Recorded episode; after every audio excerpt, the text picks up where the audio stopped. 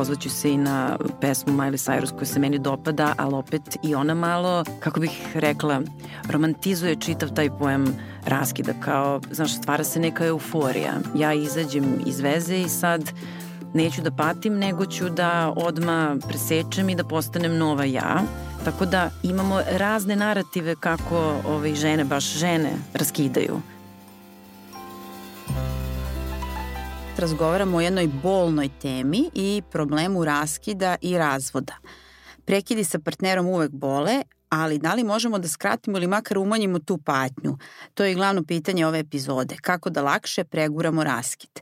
U prošloj epizodi Mija je rekla nešto zanimljivo, a to je da su ljudi tokom pandemije dosta davali otkaze, ali su se puno i razvodili. I zato bih krenula od toga sa čime se Iva i Mija susreću u svojoj psihoterapeutskoj praksi, šta je to što uh, ljudima teško pada posle raskida i zbog čega se na kraju obrate za stručnu pomoć. Pa da krenemo od početka, od toga zašto nam teško pada raskid. Pa nekako logično je da nam teško pada. Ono zbog čega se ljudi često obrate za pomoć je zato što očekuju da im manje teško pada. A zaboravljamo da je raskid svakako i raskid i razvod, sad napravit ćemo tu malo neku razliku kako budemo pričali, da su to gubici.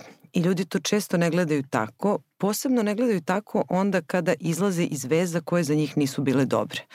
Tako da svaki raskid ili razvod su moraju da budu bolni i mislim da je to prva stvar koju treba da razumemo kada, kada o tome razmišljamo, a da onda ne budemo preterano grubi prema sebi, da očekujemo od sebe da zato što smo izašli iz nečega što i onako nije bilo dobro za nas, da, da očekujemo da ćemo onda biti srećni ili da ćemo odmah osetiti blagodeti toga. Kad god smo u nekoj priči, mi nismo u priči samo zato što uh, je ona nekakva i što nam nešto konkretno daje, nego smo u priči zato što zamišljamo šta bi ta priča mogla da bude.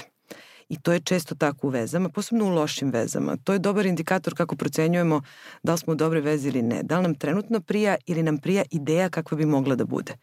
E, u raskidu, posebno kada je u pitanju to da izlazimo iz nečega što nije dobro, mi moramo da odtugujemo to što smo zamišljali da je moglo da bude. To je često ceo jedan život koji smo zamislili sa nekim i zato je to jedan težak i bolan proces, a može da bude kraći i to je često paradoksalno ako pustimo sebe da tugujemo. Znači što više dozvolimo sebi da budemo tužni zbog gubitka, brže ćemo da izađemo iz toga. Na to ćemo se vratiti malo kasnije, da treba pustiti sebe da odbolujemo, pitaću vas za tužne pesme koje ljudi ovaj, slušaju posle raskida, iako neki misle da ne treba slušati te tužne pesme, u stvari istraživanja kažu da treba slušati. Mm -hmm. Znači, ono, Whitney Houston, I will always love you i tako dalje. Uvijek se setim um, jedne vesti kako je neki čovjek puštao tu pesmu ono, 30 puta uzastopno u Americi da, i onda su ga na kraju uhapsili. A čovjek je verovatno raskinuo pa, pa je samo hteo da odboluje. Ali dobro, evo možemo da, da spomenemo još jednu pesmu koja je sada popularna i to nam je negde i, i, i povod zašto i, i razlog što smo se odlučili za ovu temu, to je Miley Cyrus. Mm koja je toliko popularna sa, sa svojom pesmom Flowers, koja govori upravo o, o, o tom periodu posle uh, raskida. Ali ajde, posle ćemo o, o, o muzici. Ove, ovaj, spomenula sam i ovu pesmu Miley Cyrus zato što je popularna, a to nam upravo ukazuje na to da ljudi, zašto je popularna, mnogo ljudi se pronalazi mm. u tome, dakle taj raskid, razvod zaista jeste, jeste problem. A, a, a zašto je to toliko bolno? Znamo da postoji i sindrom slovljenog srca i to će vam reći i kardiolozi a, koji su istraživali promene na srcu posle raskida, znači zaista postoje neke promene, a, a postoje istraživanja koja kažu da, da je emotivna bol podjednako jaka kao i fizička. Hmm. Pa e, ja bih samo dodala da, da ovo što je e, Iva rekla u stvari je suština, a to je da mi moramo da prorodimo gubitak, znači ono što smo izgubili u prošlosti, ali ono što gubimo u budućnosti u smislu te neke fantazije kako je nešto moglo da bude. Ali konkretno kad pričamo o ovome što si ti rekla, ta emotivna bol, um, to je zapravo priča o separacijonoj anksioznosti. Mi se zapravo mnogo teško odvajamo i uh, postavlja se pitanje koliko smo dobro proradili prethodne raskide i to je ono čime se ja zapravo najviše susrećem u psihoterapijskom radu.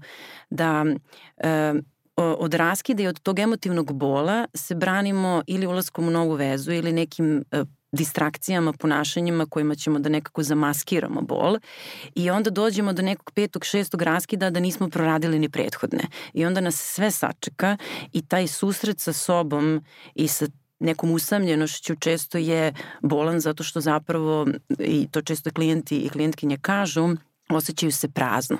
I ja mislim da ništa ne boli tako kao osjećaj praznine, koji se često desi zato što mi zapravo nismo proradili prethodne gubitke i nismo naučili to o čemu i, i Miley ovaj, peva, to je kako da stvarno budemo sa sobom. Jer ako mi raskid doživljavamo kao da gubimo e, svoj identitet, a često je to slučaj, onda naravno da ćemo biti suočeni sa, sa emotivnim bolom. E, raskidi su naravno sastavni deo života e, i neka istraživanja kažu da makar dva puta raskinemo pre nego što se sa nekim skrasimo. Dakle, minimum dva puta. Ovo kažem zato što to ima veze sa onim što si malo pre rekla da mi nismo odbolovali te neke svoje prethodne uh, uh, raskide. Prema jednoj anketi uh, koja je rađena u Americi, čak 58 odraslih je reklo da im je raskid bio dramatičan, pa nije ni čudo što ljudima teško padaju i što bi da ih izbegnu, ali naravno ne možemo da izbegnemo raskide. Šta je to što ipak možemo da izbegnemo posle raskida? Uh, to je baš teško pitanje. Hm.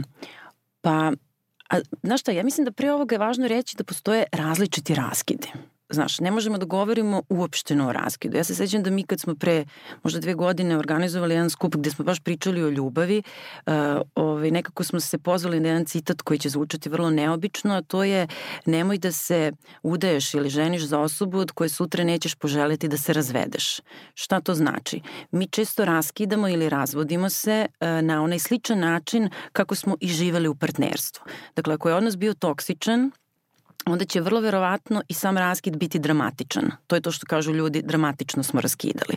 Ako je odnos bio e, prijateljski, nekako postojala je povezanost, postojalo je to neko mi koje smo gradili zajedno, ali smo se ugasili ili prosto rastali i nismo više ono na istim talasnim dužinama, možda ćemo pronaći bolji način kako da raskinemo zdraviji, e, nekako više prijateljski nastrojen način.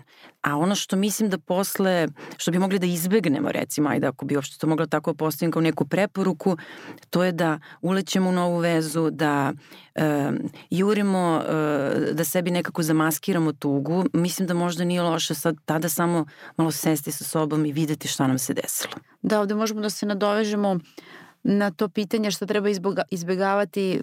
Pitanje je, bolje pitanje e, gde ljudi u stvari greše posle posle raskida šta je, ili razvoda, šta je to što rade, a što ne bi trebalo, misle da će na taj način da prevaziću, prevaziću tu situaciju.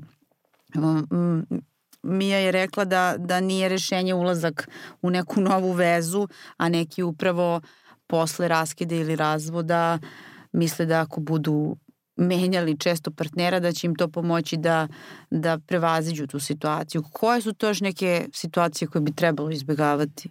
Pa Možda ljudi... zablude ono za koje ljudi misle da, da rade, da će da im pomogna zapravo ne.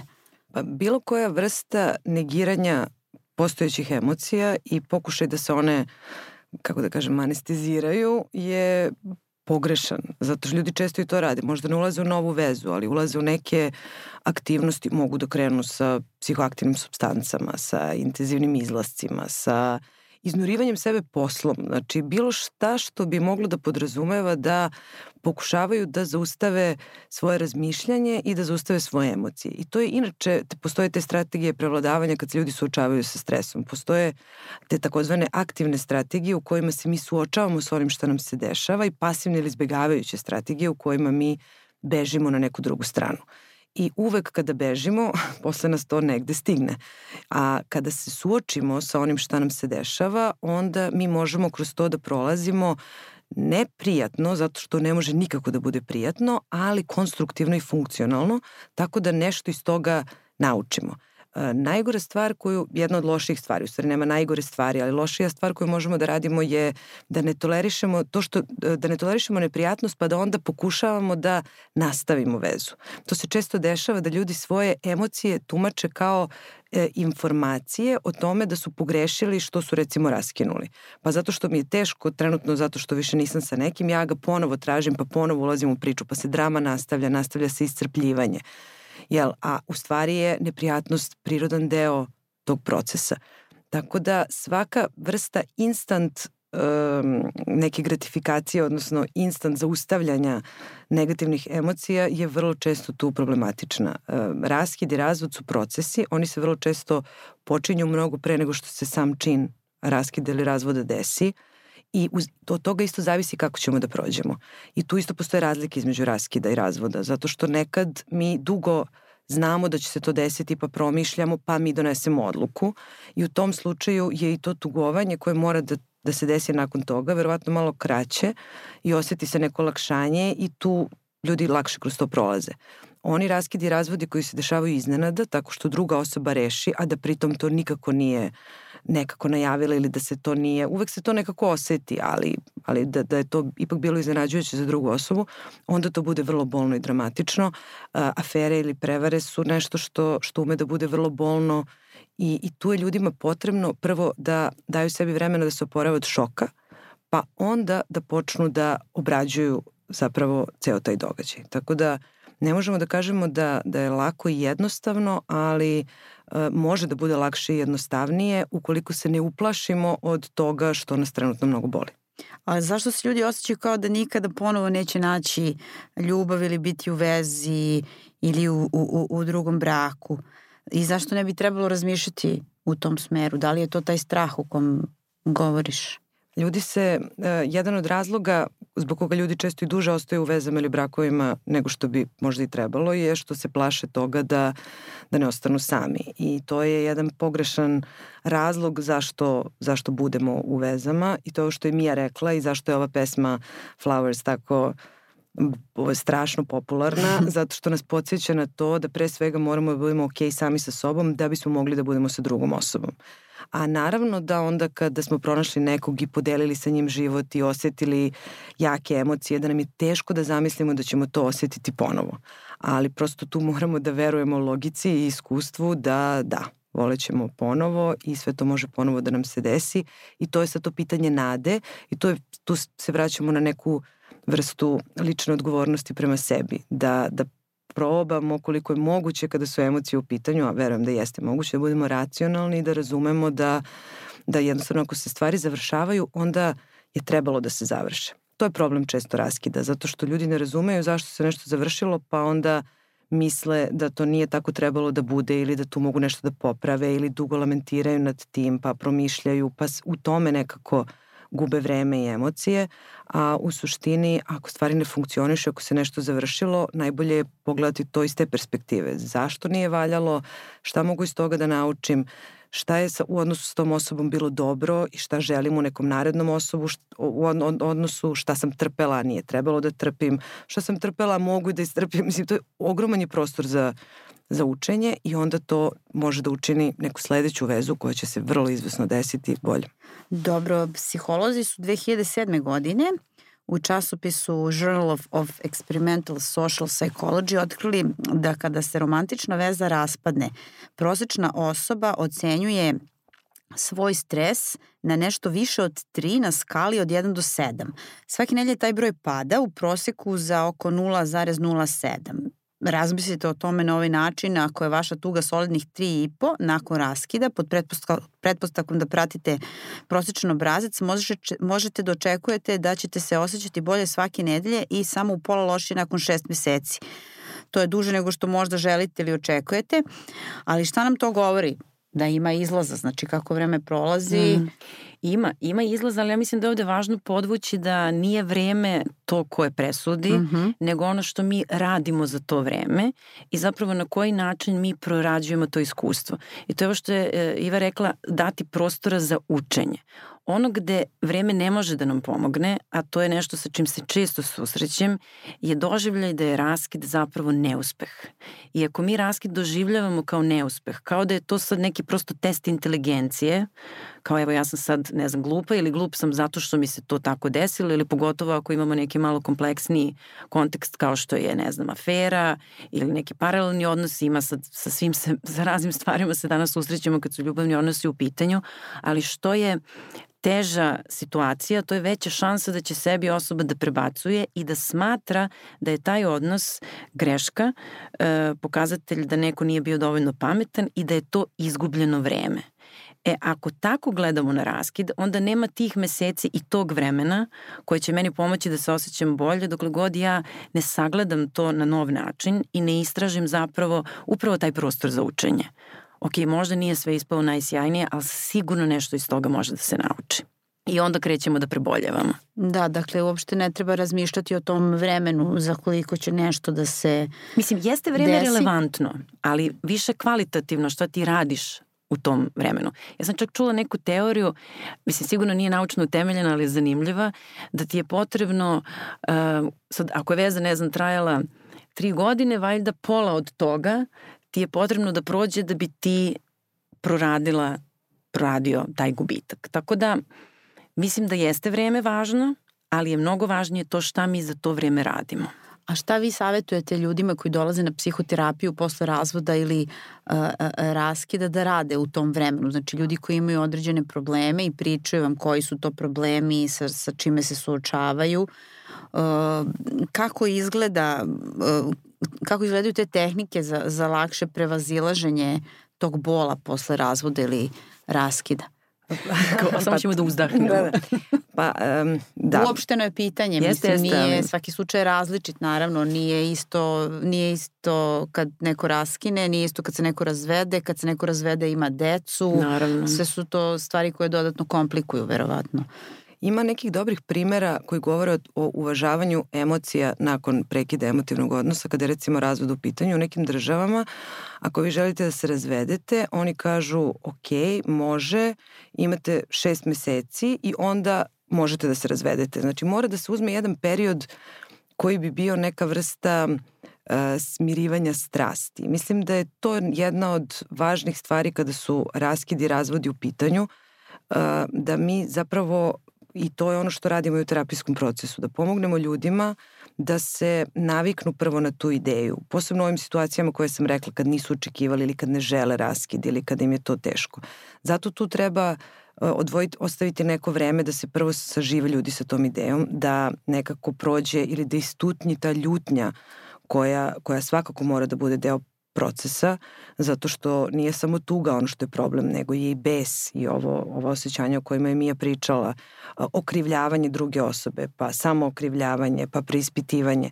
I to ono što mi radimo je da sa ljudima prolazimo kroz sve te emocije i pazimo da sve emocije izađu napolje, odnosno da sve emocije nekako razumemo na pravi način to, da ih ne razumemo kao informaciju da je to u stvari ta jedna jedina ljubav koja je sada nekako izgubljena, da ih ne razumemo kao informaciju da smo ispali glupi zato što smo bili sa pogrešnom osobom, da smo izgubili vreme, da za nas nema... Na... Znači sve te iracionalne ideje koje mogu da se jave nakon raskida, to je ono na šta mi pokušavamo da ukažemo ljudima tako što im pomažemo da budu ok sa svim emocijama koje osjećaju zato što su sve legitimne jer nema, nema, nema pogrešnih emocija kada je raskid u pitanju i kada je bilo koju ovaj gubitak u pitanju, to je, to je potpuno okej. Okay ali u terapijskom procesu to je zapravo idealno vreme i nama najčešće dolaze ljudi nakon tako velikih životnih promena, najčešće nakon raskida, nakon razvoda ili, ne znam, promene posla ili tako tih velikih, velikih životnih trzavica gde je potrebna jedna vrsta restrukturiranja. Jer iako mi je malo pre rekla ne definiše naš identitet, naša veza, ali recimo Uh, ali, ali i, i, i, i definiše, zato što mi smo od osobe koja je bila u vezi, postajemo osoba koja je single i koja više nije u vezi. Od osobe koja je bila u braku, koja je bila nečija supruga, nečiji suprug, mi postajemo osoba koja to više nije. Tako da je za to potrebno vreme, potrebno je preispitivanje toga šta je to za nas značilo, šta to znači u nekom društvenom kontekstu, kako naša okolina gleda na to, Tako da zapravo su raskidi i razvodi dobri trenuci da mi pogledamo u svoj život, da vidimo šta nam je važno, kako sebe određujemo, kako određujemo emotivne odnose i da onda ih koristimo kao dobre prekretnice za, za lični razvoj. A, a zašto su neki ljudi baš tokom pandemije odlučili da se razvedu? Šta je, šta je to što su uh, sagledali? Hmm. Pa konačno su se videli. Mm -hmm. Zapravo ja mislim da je pandemijski kontekst pomogao da se uklone sve one uh, distrakcije uh, u odnosu na vezu u kojoj smo. Tako da jednostavno smo bili upućeni jedni na druge i morali smo da pogledamo kako funkcionišemo. Mislim da je tu dosta isplivalo i kako balansiramo različite uh, uloge u kojima se nalazimo, to koliko jedne drugima pružamo podršku, kako se nosimo sa stresom. Sve nekako postalo više ogoljeno i daleko više vidljivo i pokazalo nam je gde stvari ne štimaju. Ali ja mislim da je fair reći da uh, neke, neke parove koje poznajem su se kroz pandemiju zapravo povezale. O to je tačno, da. da. Znači imali ste ove koji su shvatili da, da to nije to i da, da ne mogu sa, u četiri zida Tako je. sami. Bukvalno ih je ta pandemija um, na neki način stavila u situaciju u kojoj su shvatili da nisu, da ne mogu dalje, a sa druge strane imamo te parove koji su samo još dodatno učvrstili Tako svoju je. vezu. Tako je. Ja bih samo ovde dodala ovo što Iva rekla za nema, nema pogrešnih emocija. To je zapravo najčešća tema koju ja dobim na psihoterapiji. Uh, da li sam ja sad uh, glupa zato što i dalje patim za nekoga, za nekim za koga znam da je bio pogrešan za mene. Zar ne bi trebalo ja da budem srećna što sam se izbavila iz toga i ako ja sad sedim ovde i pričam o tome i tužna sam, to je opet pokazatelj da ja nešto ne radim kako treba. I to je zapravo, št, št, kakva, kakva god da je priroda raskida, uh, e, najteže je dozvoliti sebi osjećanja, a pogotovo ako izlazimo iz odnosa koji je bio toksičan, jer tada od sebe zahtevamo da konačno budemo, pod znacima navoda, pametne. A pametan znači biti neko ko zapravo nema osjećanja, nego samo ono, napraviš rez i ideš dalje. I tu smo mi zapravo vrlo strogi prema sebi. A to su neka opšta mesta. Vi kad pričate sa ljudima o, o, posle raskida, uglavnom ljudi ponavljaju te neke iste rečenice kao ja sam budala, zašto tako i je. dalje patim za tako njim. Tako je, tako je. Kako sam mogla da budem toliko dugo sa njim? Ili mm. ono kad vas prijatelji teše pa, pa kad vam kažu pa on i onako nije bio za tebe. Jeste. Ali sve su to opšta mesta, ali ljudi ne mogu da, da i, i izađu iz toga. Pa ne mogu, ali Zašto? zato što je postoji veliko očekivanje od, od svih nas pod jedan da se ostvarimo u emotivnim odnosima i pod dva da nam uspeju emotivni odnosi. I to je nešto gde se svi mi vrlo strogo procenjujemo, nekako implicitno, za razliku od posla gde kao to može nekako kvantitativno da se vidi koliko imaš para, koliko si uspešan, koliko si ostvaren ili radiš nešto korisno ovi privatni odnosi su isto jedna, jedno područje gde mi procenjujemo svoju vrednost i gde nam društvo isto nameće zapravo da moramo da nađemo pravu osobu, da budemo sa tom osobom, da budemo srećni sa tom osobom, da to traje i onda kada to ne uspemo, onda jednostavno se osjećamo kao da smo nešto, kao da nemamo neke veštine životne koje su važne. A ono što, što je tu u stvari odgovor je da uh, Evo kao što si ti rekla, nema ni dobre veze iz prvog pokušaja. I kad meni dođu klijenti pa kažu, ali imala sam sve te pogrešne veze, ja kažem pa dobro, ali sve te pogrešne veze onda vode do, još do jedne sledeće veze koja će biti neka dobra i da bi došla do nekog s kim je dobro morala si da prođeš sve te ili morao jel, veze koje su bile loše. Ali je to isto problem što mi stvarno postavljamo neke kriterijume na koje potpuno ne možemo da utičemo. Evo ti sad rekla dva, dve veze, svako ima neku ideju koliko veza treba da bi do, došlo do prave veze. Pa u kojim godinama treba da se ima prava veza. I to su sve neke naše skriptovi, neke naše ideje koje nemaju nikakve veze sa realnošću. Jer to da li ćemo nekog naći, da li ćemo biti u dobroj vezi, pored izbora, jeli, dobrog poklapanja sa tom osobom, postoji faktor sreće na koji ne možemo da utičemo, da li ćemo tu osobu da sretnemo, kako ćemo da je upoznamo. Tako da je to zapravo jedno područje koje je potpuno onako neizvesno i nepouzdano, a mi procenjujemo svoju vrednost u toj oblasti mm. i to je onda stvarno A svi to radimo i zato posežemo za tim opštim mestima jer želimo, jer mislimo da su u stvari drugi bolje snalaze. Mislim da je zato važno da o ovome pričamo jer nam se sve čini neko drugi, evo pa kako ovaj, pa kako ovaj, pa, pa kako to ljudi uspevaju, pa onda to čuveni naši roditelji za, za starije generacije, to oni su se našli pa su bili sto godina zajedno, a mi sad sve te stvari otvaramo i o njima pričamo i mislim da je fair da kažemo da da prosto može da krene i ovako i onako, da, da mo, možemo da budemo u dobrim vezama, u lošim vezama i da to ne govori suštinski o nekoj našoj vrednosti ili kompetencijama. Da li su predrasude da žene više pate posle raskida ili razvoda i kako u stvari raskid preživljavaju žene i razvoda, kako muškarci? Ja definitivno mislim da je to predrasuda, mislim da žene možda samo otvorenije o tome pričaju zato što su jednostavno e, socijalizovane i vaspitane da budu otvorenije ka, ka emotivnim temama. E, mislim da tu ima nekih... E, kako bih rekla, drugih mitova. Pa mislim tu evo pozvaću se i na pesmu Miley Cyrus koja se meni dopada, ali opet i ona malo, kako bih rekla, romantizuje čitav taj pojem raskida kao, znaš, stvara se neka euforija. Ja izađem iz veze i sad neću da patim, nego ću da odma presečem i da postanem nova ja. Tako da imamo razne narative kako ovaj, žene, baš žene, raskidaju pa sad to koliko pate ili koliko odma navuku na sebe neko novo, neki novi identitet i onda idu kroz život tako kao single koje mogu sebi da sve kupe, pomognu, organizuju i slično.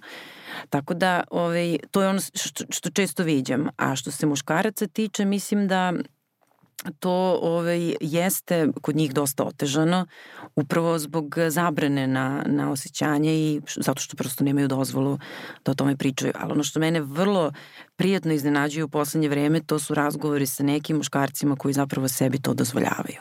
To znači da se stvari na tom polju menjaju i da su muškarci dosta, ovaj, to ste sve više otvoreni da se bave ovaj, emocijama i da o tome otvoreno razgovaraju. A da li postoji neka razlika u tome kako tu patnju proživljavaju žene, a kako proživljavaju muškarci? Pa da, postoji razlika baš zbog ove zabrane koje muškarci često imaju na ispoljavanje emocija, pa će muškarci češće da pribegnu tim uh, izbegavajućim strategijama u smislu da, da, ne, da prave sebi neku vrstu distrakcije, da se, da se ne bave time nekako tako što će da dozvole sebi da tuguju, nego da imaju neke aktivnosti kojima će sebi da skrenu pažnju do nalaženja nove uh, nove partnerke. E, žene su, s obzirom na našu socijalizaciju, da smo više usmerene na to da se bavimo emocijama, će nekako više razgovarati o tome sa prijateljima, više će se time baviti, analizirati, ali više plakati u krajnjem, u krajnjem slučaju. Plakanje je mnogo važna stvar kada je razvod u pitanju. Mnogi muškarci sebi ne daju dozvolu. Ono što mi je isto rekla je tačno, ono što, da, da se sve više muškaraca recimo javlja za partnersku terapiju danas. Kada smo mi počinjale pre nekih desetak i nešto godina, uh, uglavnom su žene bile te koje su zvale i zakazivale partnersko savjetovanje. Sada su to sve češće muškarci, kao što sada muškarci dele kućne poslove, kao što brinu o deci i samim tim i dozvoljavaju sebi tu um, učešće, odnosno podelu odgovornosti za partnerski odnos. Dugo je bilo to da žena, žena je ta koja održava partnerski odnos, zato što žena održava kuću, žena brine o deci i dugo je i bio podatak da E, a opet s druge strane podatak je bio da žene češće su te koje zapravo pokreću brakorazvodnu parnicu. I onda je to paradoksalno, ali u stvari muškarac je uvek nalazio, ranije su muškarci nalazili sebi distrakcije na nekom drugom mestu. Mogli su mnogo duže da ostanu u nezadovoljavajućem braku nego žene. Žene kada postanu nezadovoljne, one to mogu neko vreme da trpe, ali onda izlaze iz toga. Danas se te stvari menjaju. Muškarci i žene su angažovani u, u partnerskim odnosima i dele tu odgovornost i mislim da je to sjajna stvar, tako da mislim da onda i to muškarcima može da olakšava proces tugovanja nakon toga kada su u kontaktu sa svojim emocijama. S druge strane, to oslobađanje žene od toga da je samo ona odgovorna za opstanak braka može ženi da olakša proces tugovanja. Zato što je zaista uh, Ako je nešto izvesno u partnerskom odnosu, to je da ga čine dve osobe, uglavnom, osim ako ne pričamo o ovim alternativnim formama koje još uvek nisu u potpunosti zaživele kao polijamorije i slično, a to su dve osobe i one podjednako dele odgovornost i za kvalitet tog odnosa i za kvalitet tog raskida, odnosno razvoda. A kako na, na druge osobe u okruženju deluje e, raskid ili razvod? E, koliko su uključeni neke druge osobe kada je u pitanju raskid, kada je u pitanju razvod, znamo da u slučaju kada par ima decu, da to utiče na decu i da je jako važno kako će se ceo taj proces izvesti. Pa meni se čini da je razvod i raskid su mnogo važna tema upravo zbog toga što ih ima sve više i što, i što se dešavaju daj parovima sa decom i što je za decu ključno važno kako će se njihovi roditelji razvesti. Za decu je e, loši brakovi njihovih roditelja su, su najgore moguće okruženje za, za život dece i, a opet, ali toksični razvodi su još gora stvar. Tako da je e, posebno važno i to isto nešto što se menja. Recimo da se parovi sada javljaju onda i kada su odlučili da se razvedu, jave se za savetovanje zato što žele da kroz taj razvod prođu na neki ljudski pristojan način upravo zbog, zbog dece.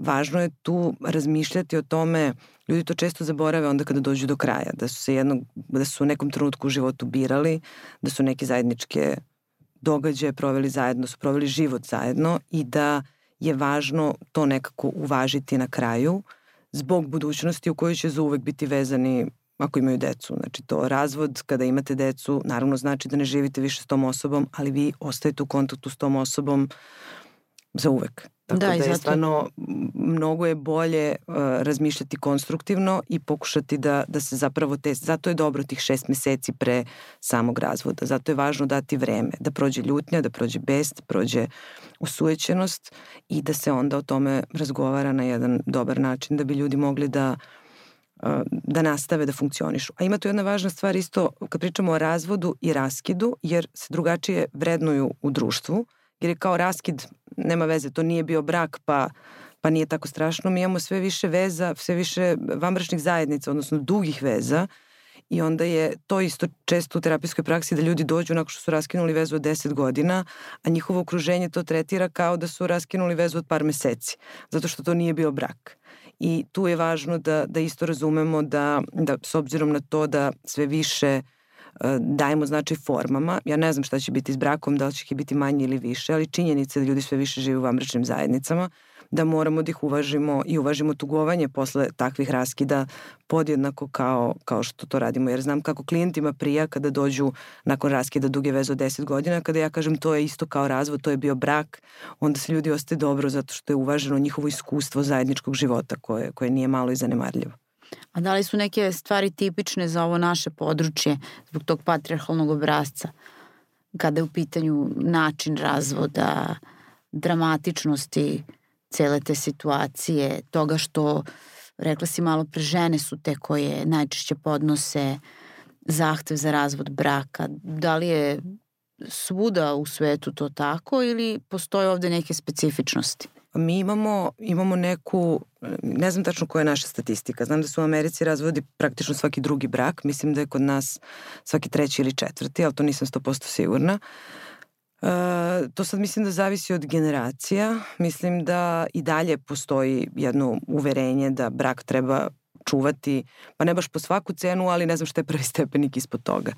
I, I tu je veliki faktor i mnogi parovi se zaista sa time bore uh, kada, kada imaju decu u kom trenutku se odlučiti na razvod, zato što to jeste stvarno objektivan problem i prepreka i treba se na to odlučiti, reorganizovati život. Okruženje nikad tu nije blagonaklono. Uvek kada ljudi krenu ili prijateljima ili roditeljima sa tom pričom da bi se razveli, uvek dobiju poruku pa razmisli, pa vidi, pa potrudi se. I to, to naravno žene.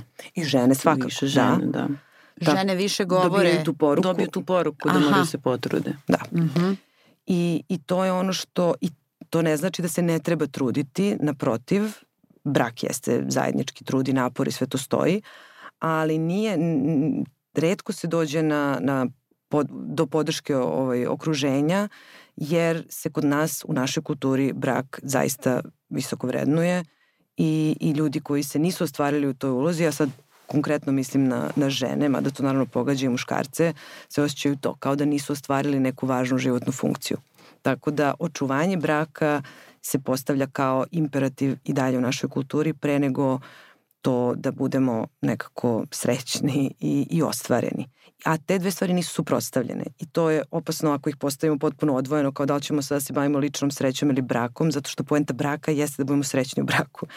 Tako da bi te stvari se nadam da, da će polako da se menjaju. Verujem da mlađe generacije već i razmišljaju u tom pravcu, ali da, da i dalje imamo taj dominantan patriarhalni narativ koji kaže da se brak čuva po svaku cenu i, i da se to prosto trpi. I mi imamo to u našem narativu, kao što je roditeljstvo žrtvovanje, brak je trpljenje. A to će se sigurno menjati. Ja bih samo tu dodala i da je žena uspešna ako je mm -hmm. ušla u brak i sačuvala brak, Ako nije ušla u brak, i tu ću citirati Sandru Silađev, onda ona ostaje baba devojka, a ako je ipak uspela da uđe u brak, ali ne i da ga održi, nakon razvoda ona je raspuštenica. Tako da šta god da žena uradi, uspe, ne uspe, ona dobija etiketu.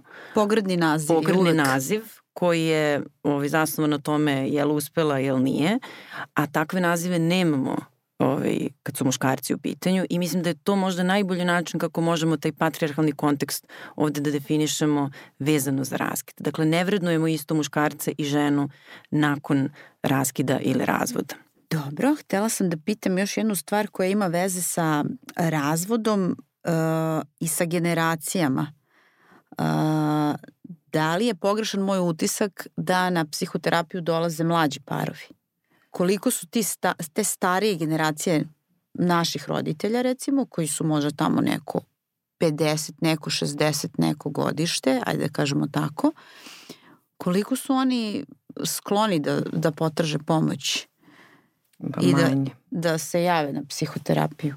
Manje, ali se i to menja. I to je isto promena. Pored toga što se muškarci više javljaju, ima i sve više uh, starijih parova, zato što se, se prosto otvorile su se različite opcije i, i ljudi su spremni da, da malo revidiraju te svoje odnose. Sad baš generacija naših roditelja, sad razmišljam 60. i to, ali um, to oko 50-60 godina. Parovi se javljaju onda kada im deca dovoljno odrastu. Naši roditelji su već još malo, malo više stariji, ali roditelji dece koje sad imaju 25-6 godina. Znači, deca kada odlazi iz kuće, to jeste i karakteristično. Kad se parovi javljaju? Javljaju se kad imaju malo dete koje ima recimo 2-3 godine, kad su shvatili da će dete da preživi i da oni mogu da se pozabave svojim odnosom, onda dolazi prva kriza, onda dolazi neka kriza tu oko početka škole i ako to prođe, onda je sledeće kada deca odu iz kuće. Jer tad je već taj trenutak kada sad više nema onog izgovora čuvenog ne možemo zbog dece, a i deca su dovoljno velika da im skrenu pažnju da im kažu aman, ajde malo se pozabavi sobom i onda, onda oni dođu i počinju da dolaze. Tako da to je taj trenutak za, za dolaženje i toga ima, ima sve više, a nije bilo ranije. Onoga čega sada ima kod novih generacija što je isto meni vrlo zanimljivo, to su parovi koji dolaze da se posavetuju, da porazgovaraju pre nego što uđu u brak. Zato što vide neke razlike i zato što žele o tome da pričaju. Što ja mislim da je ono visok standard, ali, ali kome treba da težimo, da prosto mis, da nam se ne podrazumevaju ni partnerski odnosi, ni bilo šta, nego da u svakom trenutku kada mislimo da, da nam nešto nije jasno ili da nešto ima, da odemo da, da probamo da radimo na tome. A da li treba razmišljati uh, na obrnut način? Treba zbog dece. Jer si rekla da je toksičan razvod nešto što je uh, najgore za dete. Gore, gore u stvari ono, loš brak, je, je loš brak, bolje dobar razvod nego, nego loš brak, kako kažu. Naravno. Jeste, ali ono što isto stoji, što treba da, gde moramo da budemo i, i fair prema roditeljima u razvodu, to je da onda kada se dešavaju ti, kad su jako loši brakovi u pitanju, kada su u pitanju visoko konfliktni odnosi, kada su u pitanju izdaje afere, tu roditeljske kompetencije opadaju. Roditeljima nisu tada deca koliko god oni pričaju na prvom mestu. Mislim, ja sam na prvom mestu u smislu brige, očuvanja, održanja i to, ali onda kada se borimo za partnerski odnos ili se borimo u partnerskom odnosu, nema mnogo prostora za uh, zapravo smanjuju se roditeljske kompetencije, ne ostaje dovoljno prostora za roditeljstvo. To je nešto što, gde možemo da se nađemo, gde, gde ljudi zapravo dolaze zbog toga na psihoterapiju, a važno je okruženju da zna za ljude koji prolaze kroz razvod, da onda kada se razvod dešava, prirodno je da će roditelji malo izgubiti fokus, da će malo zapostaviti decu i da tu ne možemo da očekujemo od njih da budu 100% na zadatku, zato što nisu, zato što prolaze kroz nešto teško i potrebno im je vreme da se saberu. Što im više damo vremena da se saberu i oni će brzo da postanu ponovo jako dobri roditelji svoje deci. Ima tu nekih grešaka, naravno, ovaj, e, kad, kad su u pitanju roditelji i deca, šta, šta je to što kod razvoda, u trenucima razvoda ne bi trebalo govoriti uh, deci? Mi kad pričamo sa našim prijateljima, pa oni kad žele da nas uteše, oni kažu recimo u tim situacijama raskida ili razvoda, ma daj kao on je ovakav ili onakav i bolje što si ga ostavila, ali ili ostavio, ali ti ne možeš da kažeš detetu tvoj tata je kreten ili tvoja mama je ovakva. Da, ali nažalost to zapravo toliko često čujemo i onda ta deca često završe kod nas na psihoterapiji potpuno u jednom razdoru i rascepu između dvoje roditelja koji su ovaj, koristili dete kao svog nekog, kako da kažem, ovaj, znam koja je tu prava reč, surogat partnera, mislim, mada zvuči malo rogobatno, ali kao da dete sad počne da ovaj, uh, bude partner u koaliciji protiv jednog od, od roditelja. Mislim, mi naravno znamo i to će svako ovaj, zdravorazumski znati da ne treba da pljujemo po, po partnerima u razvodu, ali zapravo to se najčešće dešava. I dešava se u braku i dešava se u mm. razvodu. Roditelji to vrlo često rade, ne rade svesno, ali, ali to rade i u, u terapiji se to osvesti, a može da se osvesti naravno i bez terapije, ako samo malo razmislimo o tome šta radimo. Naravno da su deca stalno sa nama i da ona posmatraju naše odnose i to je okej. Okay. Okej okay da se roditelji svađaju pred decom, naravno ne da koriste ne znam nejakakve reči i, i da to bude agresivno, ali za decu je važno da vide konflikt, važno je da vide pomirenje, važno je da vide prosto kako to zapravo izgleda. Ali da, često se desi da, da jedno drugo ogovaraju i da govore deci protiv drugog roditelja i najopasnija stvar koja može da se desi u razvodu to je to manipulisanje detetom što je onda baš, baš opasno za, za decu i za njihov razvoj. Da, ili da ne govore ništa. To je takođe to je ovaj, vrlo, vrlo problematično, da nekako čuvaju dete od razvoda, a ono što je detetu potrebno je da razume šta se dešava. I e, jedna stvar koju sam ovaj, čula kao jedan divan savet kako sa decom u razvodu je reći im istinu, ali jezikom kojim oni mogu, koji oni mogu da razumeju. Dakle, na kom god da su uzrastu, prosto prići im i reći istinu, ali na način da to ovaj, bude razumljivo. Dobro, možemo sada da se vratimo na neke strategije za lakše podnošenje braka i razvoda. Ja ću spomenuti neke strategije, pa, bih Ali lakše podnošenje braka, braka. ovo mi je divno. razvoda braka, ali dobro, potrebne su strategije i za za brak, da bi, da bi uspeo. Ali i da bi se ovaj, razveo. U svakom slučaju postoje te neke strategije koje ljudi primenjuju i sad bih volila da čujem šta je tu dobro, a šta nije dobro. E, naravno, prvo što se desi kad, kad, kad, se, raz, kad se desi raskid, tu su ti prijatelji koji dolaze da, da te teše i tako i poznata je ta tehnika gde ti oni govore sve najgore o, o tom nekadašnjem uh, partneru, ono, pa on i nije baš bio za tebe, pokušaju da ga predstave u, u, u lošem uh, svetlu uh, i da je naravno bolje što ste prekinuli. Da li je to dobar način za olakšavanje patnje? Pa, znaš šta, ja mislim da može da bude ako je to istina, ali to ne sme da bude samo jedna strana priče.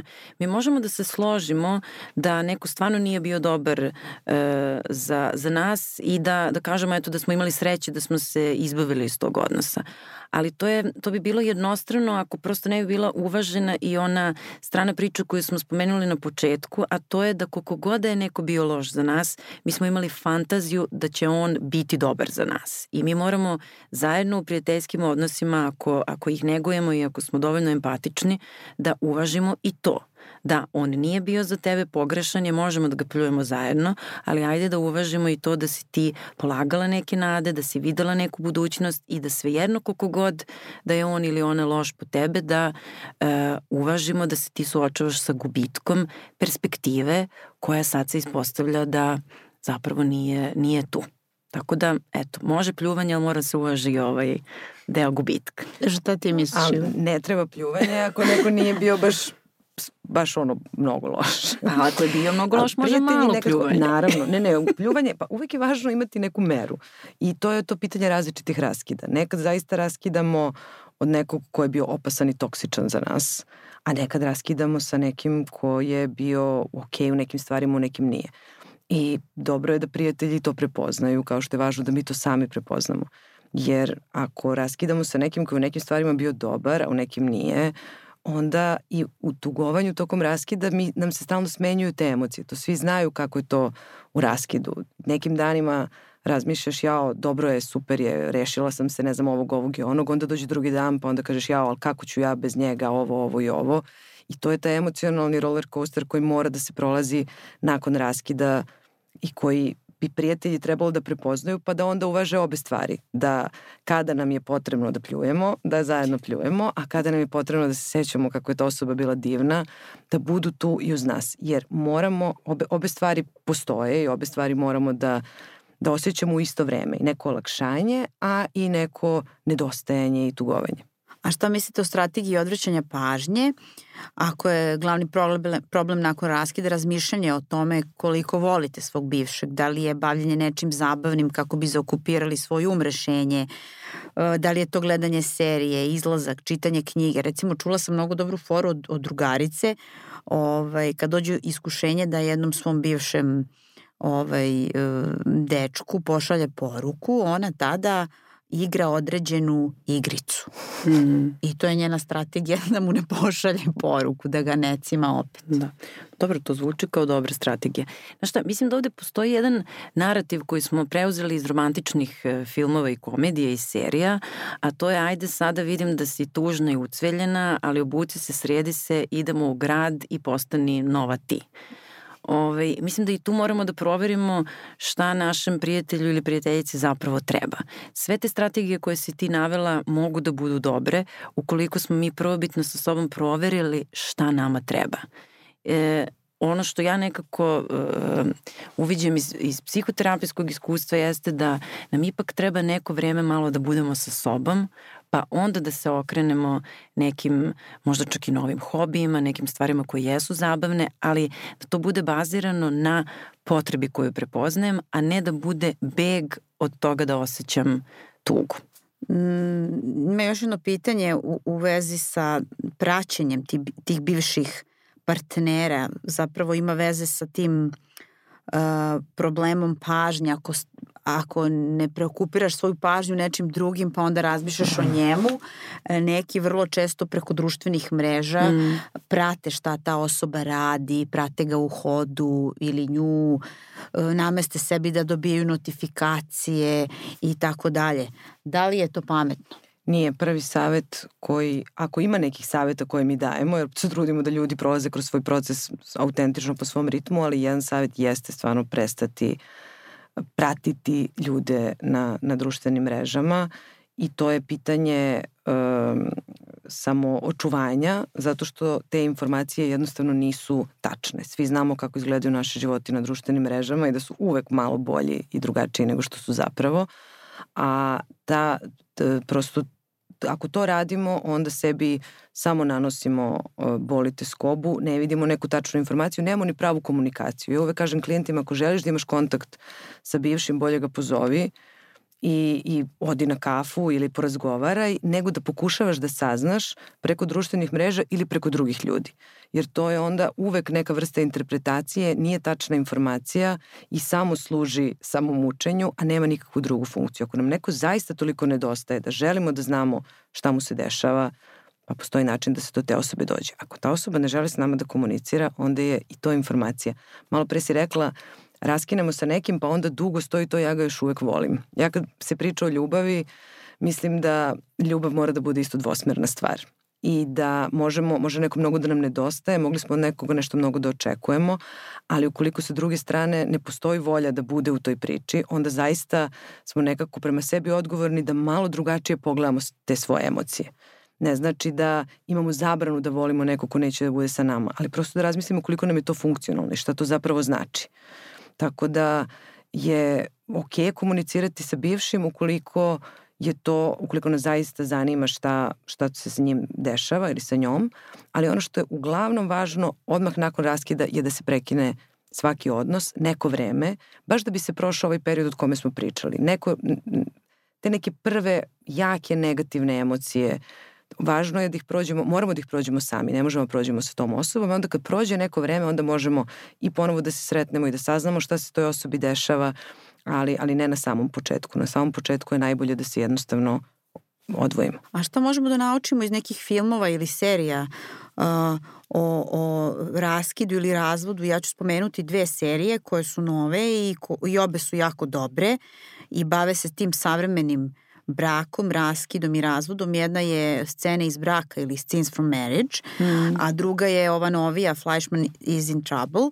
Uh, ova, obe govore zapravo o, o, o razvodu braka i o tom uh, procesu, s tim što ova druga, uh, Fleischman je u nevolji, uh, zanimljiva je ta situacija gde majka ostavlja dvoje dece I vi sad kad to kažete majka ostavlja dvoje dece, to ovde kod nas odmah nailazi na neku osudu. A zapravo kad pogledate tu seriju i kad vidite šta je sve iza toga, koji su bili njeni problemi i u braku i lični i problemi koji sežu još u njeno detinstvo, kad se sve to razmontira, vi vidite zašto je ona to uradila i negde vam postane jasno i pokušavate da razumete. Zapravo obe serije nas uče kako da bolje razumete razumemo te procese. Da, nisam gledala tu seriju, ali sam čula i znam za, za ovo što spominješ. Um, a Since Marriage smo ovaj, i, i gledale i analizirale.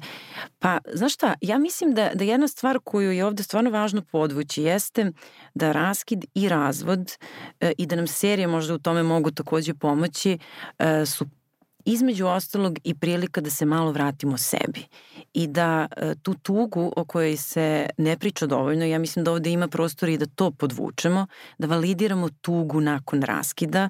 E, ovo što je Ila malo pre rekla, e, ljubav kao dvosmerni odnos.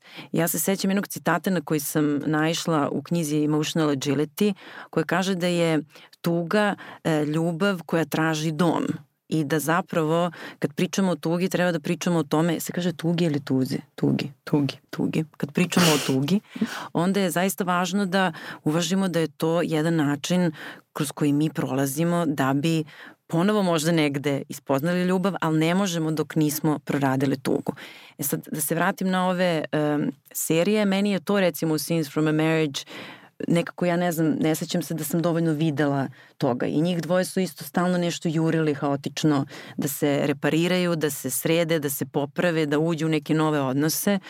Mislim da je tuga mnogo važna jer nas ona nekako vraća sebi. I danas znamo za takve studije koje su mene potpuno oduševile. Stalno pričamo o tome kako ljudi treba da budu srećni. A tuga kao stanje nam pomaže da jasnije vidimo stvari, da se bolje povežemo sa sobom, da budemo više empatični i saosećajni. Tako da jedna stvar koju ja želim da vidim u mnogim serijama je tuga koja se daje prostora, a ne ajde odmah se sredi, obuci se, nađi novu vezu i slično, nego tuga je okej. Okay. Zato je okej slušati i tužnu muziku. Mm. Vraćamo se sada na muziku koju smo spomenuli na početku. Muzika igra značajnu ulogu kod raskida i to je takođe jedna od strategija. Ove, ovaj, zapravo tužna muzika može da koristi slomljenom srcu. Um, jedan psiholog je pišući, pišući u časopisu The Arts of Psihoterapija 2016. godine pregledao dostupne studije otkrio da ljudi traže tužnu muziku kako bi sebi pomogli da razumeju i pronađu smislu svojim emocijama. Pesme o raskidu mogu pomoći da se osjećate manje usamljeno u svojoj patnji i manje jedinstveno u svojoj nesreći. Dakle, ono, niste mm. jedini, zašto toliko pesama uh, o raskidu, a čini se da ih čak ima više uh, koje su pisali muškarci, a ne žene. Dakle, to je opet ruši tu predrasudu kao žene više pate. Ne, nije tačno. Mislim, ajde da se analizira koji broj tih pesama o raskidu su napisali muškarci, a koji broj žene, pa ćemo, pa ćemo srušiti taj mit i kroz da. Uh, I sad se vraćamo na ono što si ti rekla, bol, tuga, sedinje sa svojim lošim osjećanjima umesto da ih odgurnete je u stvari važno za naše to emocionalno blagostanje i rast, pa bih ja onda pitala Ivu, zašto ljudi slušaju tužnu muziku posle raskide i zašto je to u stvari okej? Okay?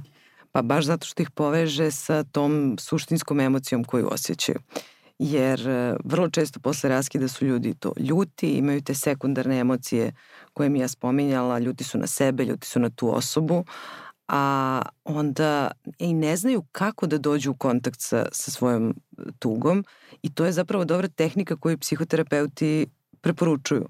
Da, da se zapravo da slušamo jel, ili da gledamo, možemo da slušamo tužne pesme, možemo da gledamo tužne filmove, ali u bilo kojoj situaciji u kojoj to gde možemo da izazovemo kod sebe tu, tu emociju, to je dobro u smislu da je da je omogućavamo da izađe na površinu. Jer naravno da nećemo da se dovodimo u tužnu situaciju bez razloga, ali vrlo često ćemo mi iz različitih razloga zablokirati negativne emocije, a ono što je važno da kažemo o emocijama, ako ne dozvolimo negativne emocije, mi ne možemo da dozvolimo ni pozitivne, jer mi jednostavno pravimo unutar sebe zabranu na sve emocije.